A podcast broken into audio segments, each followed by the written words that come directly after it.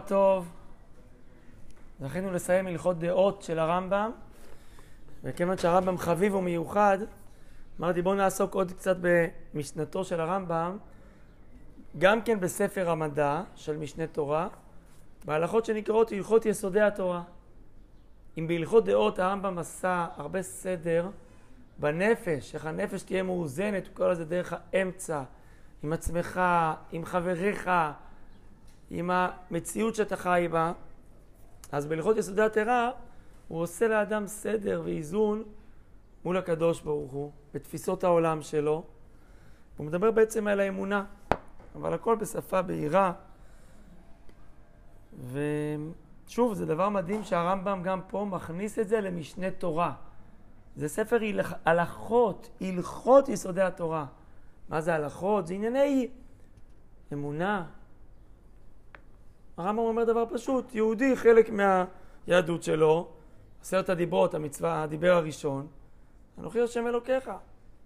זה לא רק הפרקטיקה שלא תגנוב ולא תרצח, אלא יסודות אמונה. האם יש מחלוקות באמונה? כן, יש דיונים על חלק מההגדרות, כמו שבהלכה יש דיונים וצריך לדון בהם ברצינות ולברר את הנושאים.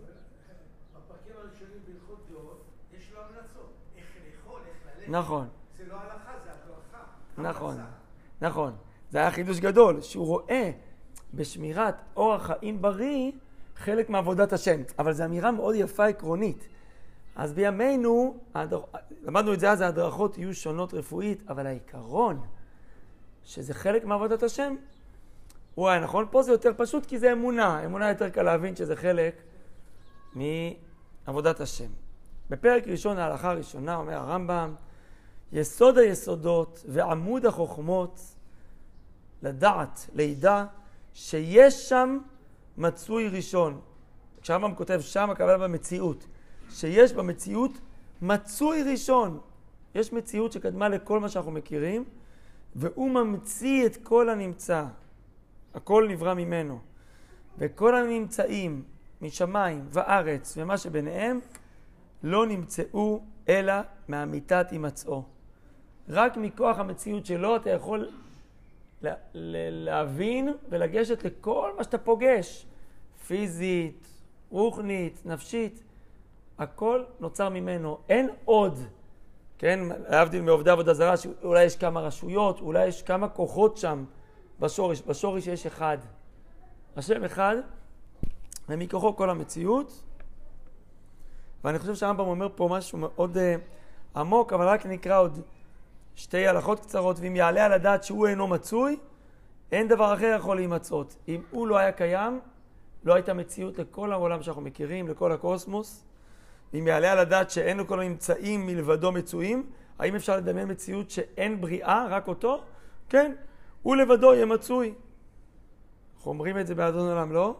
אדון עולם אשר מלך בטרם כל יציר נברא, והוא היה, והוא הווה, והוא יהיה בתפארה. הוא תמיד יהיה. כלומר, הוא זה על בטוח. אנחנו אה, זמניים. אנחנו יכולים להיות ויכולים שלא, אבל הוא קיים.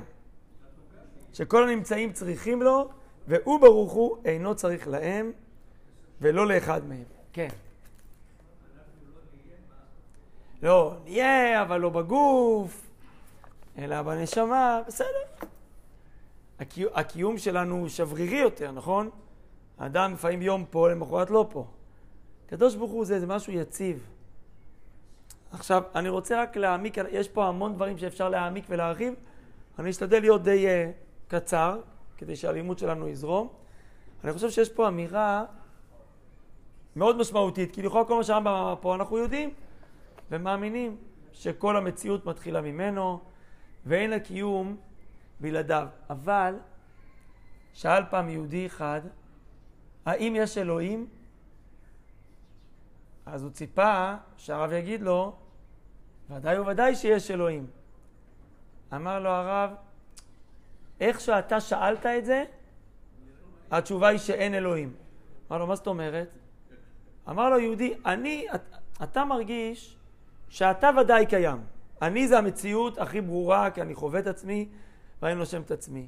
ועכשיו אני רואה מה יש סביבי, יש פה בני אדם, יש פה טבע, ואני רוצה להבין אם גם אלוהים נמצא בתוך העולם שלי. זה קצת עמוק, אבל אני מקווה שאני אצליח להסביר את עצמי טוב. כלומר, אלוהים הוא עוד אחד מהנמצאים בתוך העולם שלך. אמר לו הרב, האמת היא שזה הפוך. האם אתה נמצא בעולמו של אלוהים? הוא, אומר המדרש, הוא מקומו של עולם, ואין העולם מקומו. מכירים את המדרש בראשית רבה? הוא. הוא, הוא מקומו של עולם ואין העולם מקומו. אם אתה מניח שאלוהים בא ומשגיח בעולם, אתה כאילו, בלי לשים לב, אולי אומר, היה עולם, היה עולם, ואלוהים בא ושולט אה, אה, בו. כמו שמישהו כובש טריטוריה והוא עכשיו שולט עליה. זה הפוך. היציבות הכי חזקה זה לא הקרקע שאתה דורך עליה וכדור הארץ, למרות שזה דבר מאוד יציב, מסתובב, אבל יציב. הדבר הכי יציב זה הקדוש ברוך הוא, הוא הקרקע הבטוחה שלך, כי הוא עצם המציאות. בתוך המציאות האלוקית, בפלא גדול, הוא הצליח לצמצם ול, ולברוא עולם וגלקסיות ואת בני האדם. אתה חלק ממנו. לא שאתה, אני הבן אדם, אני היציב, ואולי אני אכניס אותו למשוואה, אלא צריך להתייחס אל זה אחרת. בניחום אבלים אומרים עלינו, המקום ינחם אתכם. יש כזה ביטוי אצל האשכנזים, המקום, מי שהוא תמיד שם, תמיד היה, תמיד יהיה, הכל ממנו. וזו תפיסה יותר נכונה של האלוקות, שב, ש, שאנחנו כולנו על בסיסו. אתם יודעים, אם אדם באמת יחיה את התפיסה הזאת של הרמב"ם, יהיה לו גם יותר קל אה, לשמור מצוות, שלפעמים זה לא נוח לו, לא קל לו. שמעתי פעם על ראש ישיבה אחד שנסע לחו"ל, לגייס תרומות כמובן לישיבה, אז הזמינו אותו לכמה קהילות, ובא אליו יהודי אחד, אמר, תבוא גם לבית כנסת שלנו. תיתן דרשה בשבת, זה בית כנסת, בלי עין הרע, תתקבל במוצאי שבת צ'ק שמן, מן הסתם. בא הרב ורצה למסור שם דרשה. ראה אותו מישהו, אמר לו, אתה יודע למי אתה עכשיו הסכמת ללכת? אתה מבין לאיזה בית כנסת עכשיו הסכמת ללכת? זה בית כנסת שהוא רחוק מאוד משמירת הלכה. כולם באים במכוניות, והם יכתבו לך את הצ'ק בשבת. ואם אתה אחרי זה, מבחינתם, קיבלת צ'ק מהם, הם יכולים להגיד לי כולם שהנה ראש ישיבה זה אישר אותנו. זה נתן להם מה שנקרא גושפנקה. טוב, אז אותו רב במקום אמר, סליחה, אני לא מגיע לדרשה, אני מוותר. והוא חזר מהמסע הזה בלי הצלחה כבירה. אז אשתו והילדים שלו אמרו לו, איך הצלחת לעמוד בניסיון הזה? הרי היית כל כך צריך את הכסף, וזה גם לא לעצמך. זה לצורך הישיבה, זה לצורך מצווה. ופתאום באה קהילה עשירה ומציעה לך, מה אתה צריך למסור דבר תורה? מה, כל כך ברור שזה סוף העולם. מה נתן לך את הכוח? הוא אמר, תראו, זה באמת היה לי קשה. אז מה אני עושה? כשיש משהו שמבחינתי עכשיו יש פה בעיה, שזה לא לפי רצון השם, באותו רגע אני אומר, אין אפשרות כזאת, נפלה אפשרות. אם אני אתחיל להתלבט, אני אסתבך. כן, לא, כן, לא, אצל הטוב, אצל... יש שיקולים. אני פשוט אומר, זה לא אופציה, אין, אין לי תרומות משם. לא רלוונטי. אני בכלל שם את זה כמו שכשאנחנו אוכלים בשר, ונורא נורא בא לנו פתאום איזה, לתת איזה לק לגלידה חלבית. אני חושב שיהודי דתי, זה לא אופציה, עזוב, ולא, בואו לא נדון על זה אפילו, או נתחיל להתגרות מזה, כי זה פשוט לא. אם אני מבין שהוא לא עוד אחת מהפונקציות בעולם שלי, אני גם יהודי, גם דתי, גם ציוני, גם אה, בעל, וגם אני מאמין באלוהים, הוא עוד אחד מהפונקציות בעולמי. אז אתה יודע, אז יש שיקולים. מצד אחד כסף, מצד שני אלוהים. לשקר או לא לשקר במס הכנסה? לא יודע, התלבטות. אבל אם אני מבין שהוא המצוי הראשון ואני חי בעולמו, אז אם אני חי את זה, אז מה יש לי לדאוג? שאני באמת אפסיד משהו מזה שאני מתחבר לשורש, למציאות שלי? טוב, עד כאן עיקרון אחד של הרמב"ם, והוא מוסיף פה ביטוי שאנחנו אומרים כל יום, ובאמת אני, לקח לי זמן להבין את הביטוי הזה. בהלכה ד' הוא שהנביא אומר, והשם אלוקים אמת. זה מירמיהו אגב. אנחנו אומרים היום בקריאת שמע, אני השם אלוקיכם, ומוסיפים את המילה אמת. זה על בסיס העיקרון הזה של הפסוק פה בירמיהו. מה זה השם אלוהים אמת? הוא לבדו האמת, ואין אחר שהוא אמת כאמיתו. והוא שהתורה אומרת, אין עוד מלבדו. בחומש דברים, גם את זה אנחנו אומרים, ועלינו לשבח. תראו כמה יסודות של אמונה נכנסו יומיומית לתפילה שלנו. כלומר, אין מציאות מצוי אמת מלבדו כמותו. אני אגיד לכם, היה לי קשה. כשאתה אומר, השם אלוקיכם אמת, ואומרים את זה בקול רם. המילה אמת, היא לא נשמעת מתאימה בעברית על השם. תקשיב, מוישה, אתה אמת.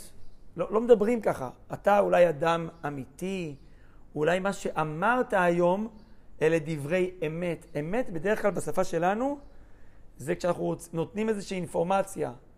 אתמול היה כך וכך. זה אמת או שקר? אמת. אמת מתייחסת למציאות שהייתה או לא הייתה. מה יש לך להגיד על, על, על אלוהים? אתה יודע מה הוא? הוא אמת. תגיד, הוא נוהג באמת וביושר, ברוך דיין האמת, זה בסדר. כל מה שהוא דן, הוא דן, תדע לך, הכל בצדק. מה זה להגיד השם אמת? אבל המילה אמת ב- ב- בלשון הקודש, וכמו שהרמב"ם אומר, זה עצם המציאות. אמת, הרי כשאתה אומר על משהו זה באמת היה ככה, אתה בא להגיד, זו באמת המציאות. כשעד מעיד בבית המשפט, הוא אומר, זו המציאות שבאמת הייתה. אז להגיד על השם שהוא אמת, הכוונה, הוא המציאות הכי ודאית שיש פה. כל השאר, ספק. מה שאתה רואה בעיניים, מה שאתה שומע, אבל הוא מציאות יציבה.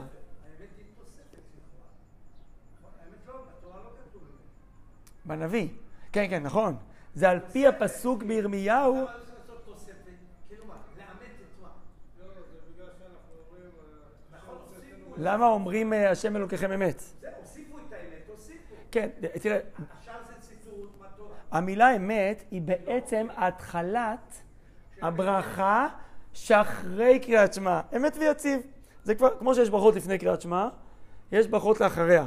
אתה צודק, אבל זה שאמרו, זה שאמרו לנו ולחז"ל להגיד את זה ביחד, רצו להרוויח כבר, נכון? את הפסוק, את העיקרון של ירמיהו הנביא, שהשם אלוקיכם הוא אמת, הוא עצם המציאות. אני אגיד את זה בשפה כזאת. היחס שלנו למצוות ולעבירות יכול להיות יחס שתשמע, אם אתה מאמין באלוקים, אז תעשה מה שהוא אמר לך. למה?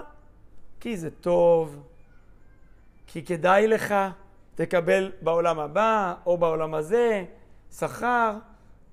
אבל איך אומר הרמב"ם במקום אחר, בהלכות תשובה?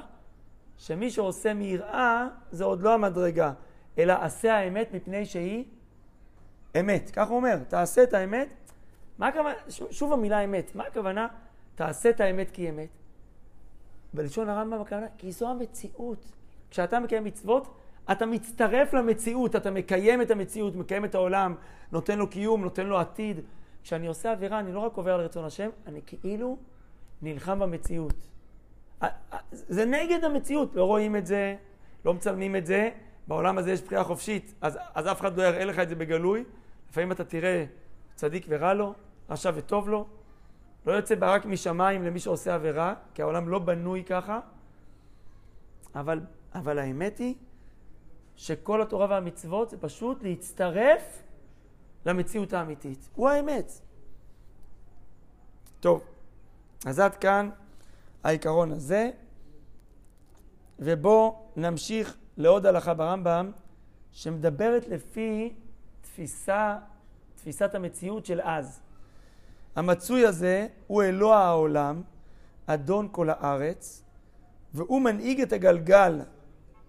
מי זה הגלגל?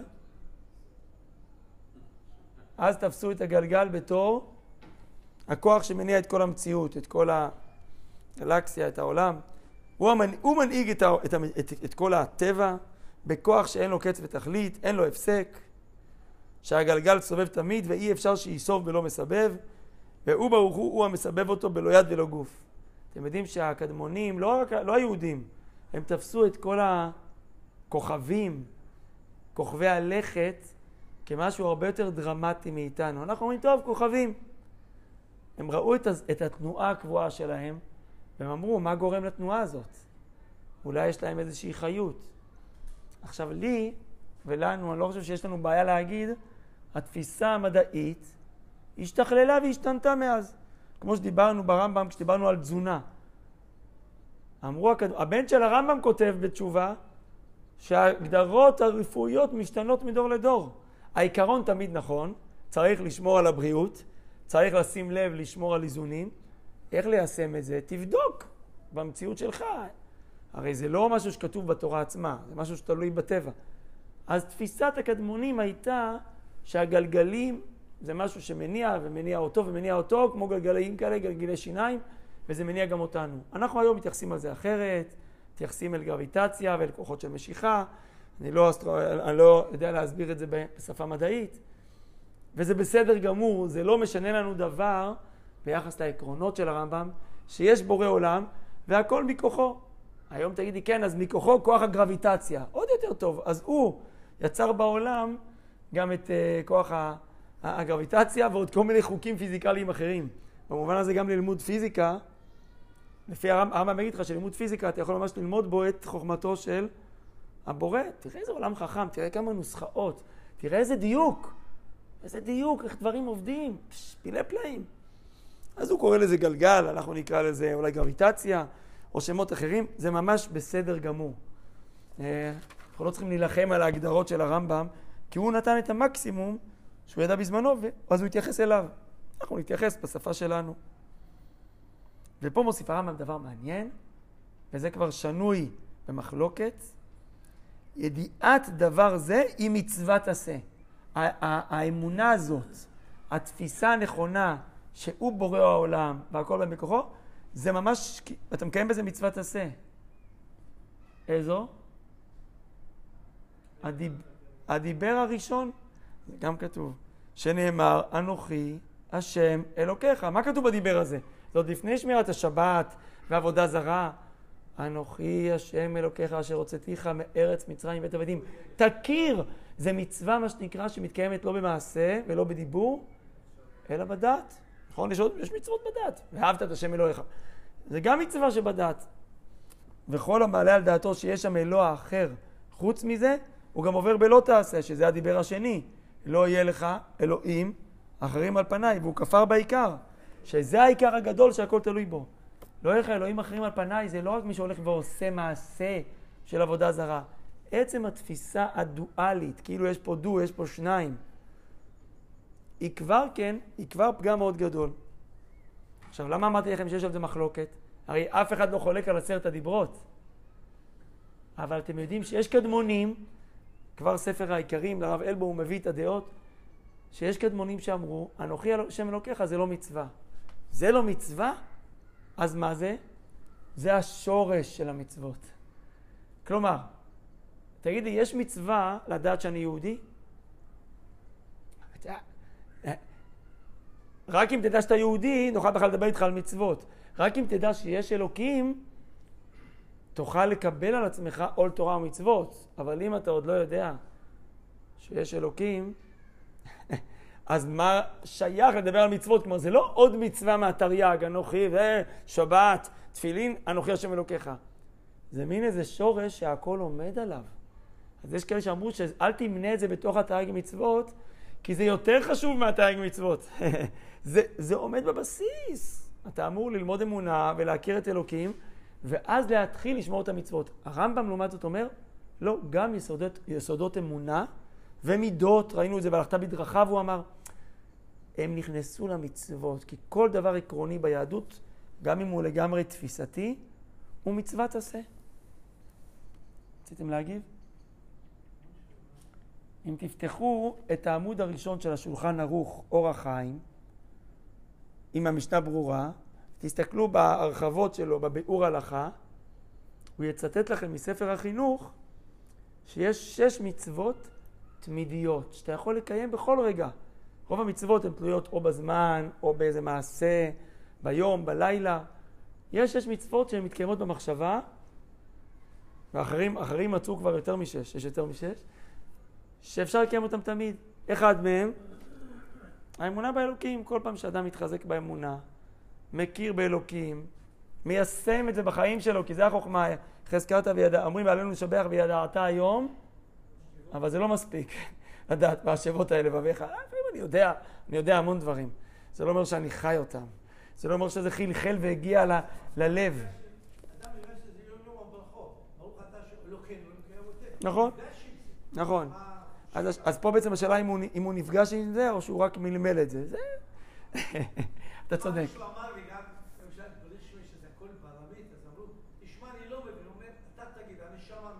אוקיי, אני איתך. אני איתך. כל פעם שאדם מתחזק באמונה, הוא קיים מצוות עשה של אנוכי השם אלוקיך. אין עוד מלבדו, יש עוד זכירות. או, אבל, כן, אבל זה דברים שיש כאלה שמזכירים בפה. זכור את אשר עשה, יש אומרים, האם- נכון, אתה צודק. צודק.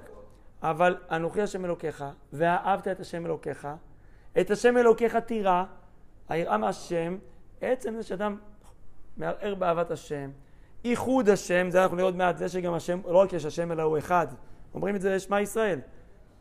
תעיינו שם, הוא מביא כמה מצוות שבכל רגע אתה יכול לקיים אותן. בפרט אם אתה באיזשהו ניסיון ואתה עכשיו מפעיל את שריר האמונה. זה ממש הדיבר הראשון מעשרת הדיברות. לא סתם דיבר, הדיבר הראשון מן שורש של כל התורה כולה. עוד קצת ברמב"ם. הלכה ז' אלוה הזה אחד הוא. הסברנו שיש אלוקים, עכשיו בואו נעבור לנושא של תפיסת האחדות. הוא אחד, אינו לא שניים ולא יותר על שניים, אלא אחד שאין כייחודו אחד מן האחדים הנמצאים בעולם. הוא אומר, תקשיב, הוא אחד, אבל כשאתה אומר שמע ישראל השם אלוקינו השם אחד, תבין שזה אחד הרבה יותר גבוה מהמילה אחד שאנחנו אומרים בשפה שלנו. למה? כשאתה אומר במילה שלנו אחד, זה יחידה. כמה קנית? אחד. מי משתתף? משתתף אחד באירוע, אתה לפעמים צריך לסמן. כלומר, זה כבר בא מתוך תפיסה של אחד מתוך כמה. כשאתה אומר עליו אחד, אז הוא אומר, הוא לא אחד כמין שהוא כולל אחדים הרבה, זה לא אחד מתוך קבוצה, ולא אחד כגוף שמתחלק למחלקות, אלא ייחוד שאין ייחוד אחר כמותו בעולם.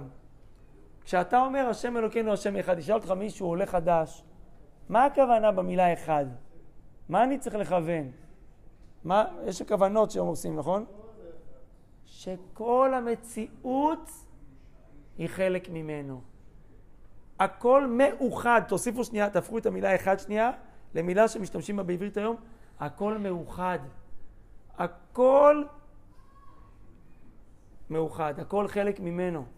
שמעתי פעם שיר אה, של איזה להקת ילדים, פרחי משהו, שהם שרו אה, עם עברית ואנגלית, אז, אז קראו, קוראים לשיר one. והם שרים one, one, one, only, one, כאילו, אחד, אחד, only one. אז זה שיר נחמד, אבל דווקא זה לא תרגום הכי מוצלח לשמע ישראל. פה רואים כמה תרגום זה דבר מסוכן. למה? מה? one. כשאומרים באנגלית one, הכוונה אחד. אתה יודע, לא שניים, הוא לא שניים. זה נכון שהוא אחד ולא שניים, אבל זה לא מספיק. כשאתה אומר שמע ישראל, אתה רק מכוון שהוא אחד, ואין שם עוד איזה פלויני לידו? אלא, מה, או, או, או, או, או, הכל. איך, איך אומרים לכוון באחד? אומרים תכוון שהוא שבעה רקיעים, חטא ובארץ וב- ובארבע כנפות. עם הד הארוך הזה, כן, החטא הארוך. למה מעריכים באחד? לא שתדבר רק עליו, כאילו הוא אחד. שכל המציאות שלי, שלכם, של כל מה שקיים, זה חלק ממנו. זה התפיסה האחדותית של היהדות. תגידו, נו, מה שאתה אומר זה פשוט. פשוט פשוט, בעולם הרחב, זה לא היה פשוט בכלל המון שנים, גם היום.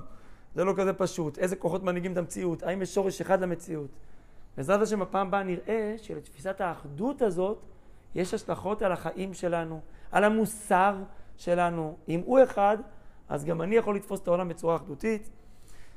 רבי חיינה בן הקשי אומר...